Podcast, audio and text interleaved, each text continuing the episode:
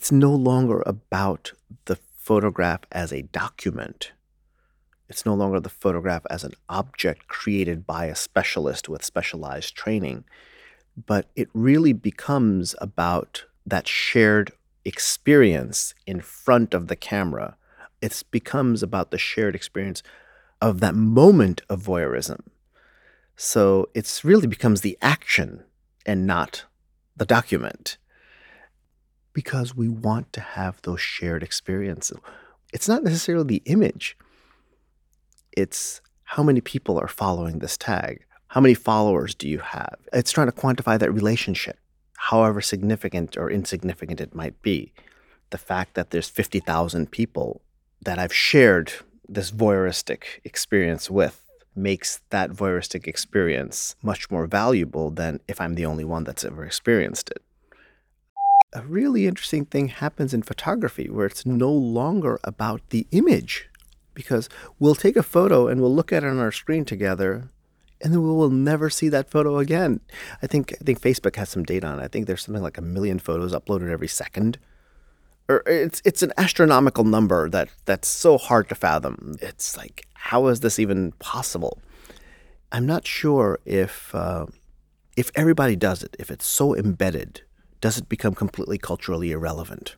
There's something really powerful about something that is a work of culture that is so commonplace that no one considers it to be part of that. We've seen many examples of dictators shut down the arts immediately because their artists are dangerous. And artists are dangerous because artists have an ability to interpret secrets and to share secrets from the individual, from the personal to the group. And once you have that type of a group assemblage, it becomes that much more difficult to shut it down. I think as human beings, we have this primal need for secrets. There's this hyper personal space that's secret, that's absolutely secret. You know, no one outside of that bed ever knows what happened. Your dreams are totally secret.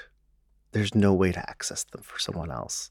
Knowledge of how things work is only important when I need to know how that works. It's not very relevant if you know how it works and yet there's no context or no condition to ever use that. The beauty of having it decentralized into a digital repository, if you want to call it, or library or archive that can be accessed, is you don't need to know what it is until you come up to that condition of, oh, how does this work? and then you access it right away. There's no longer a central point of power, in the same sense that there's no longer a central point of knowledge. It's all been distributed. Similarly, there's no longer just one person. Now it's a group of people. Now it's a team of people. Sometimes it's not, not even people, it's machines who are talking to other machines who are talking to other machines. And sometimes those machines are not even on the same continents.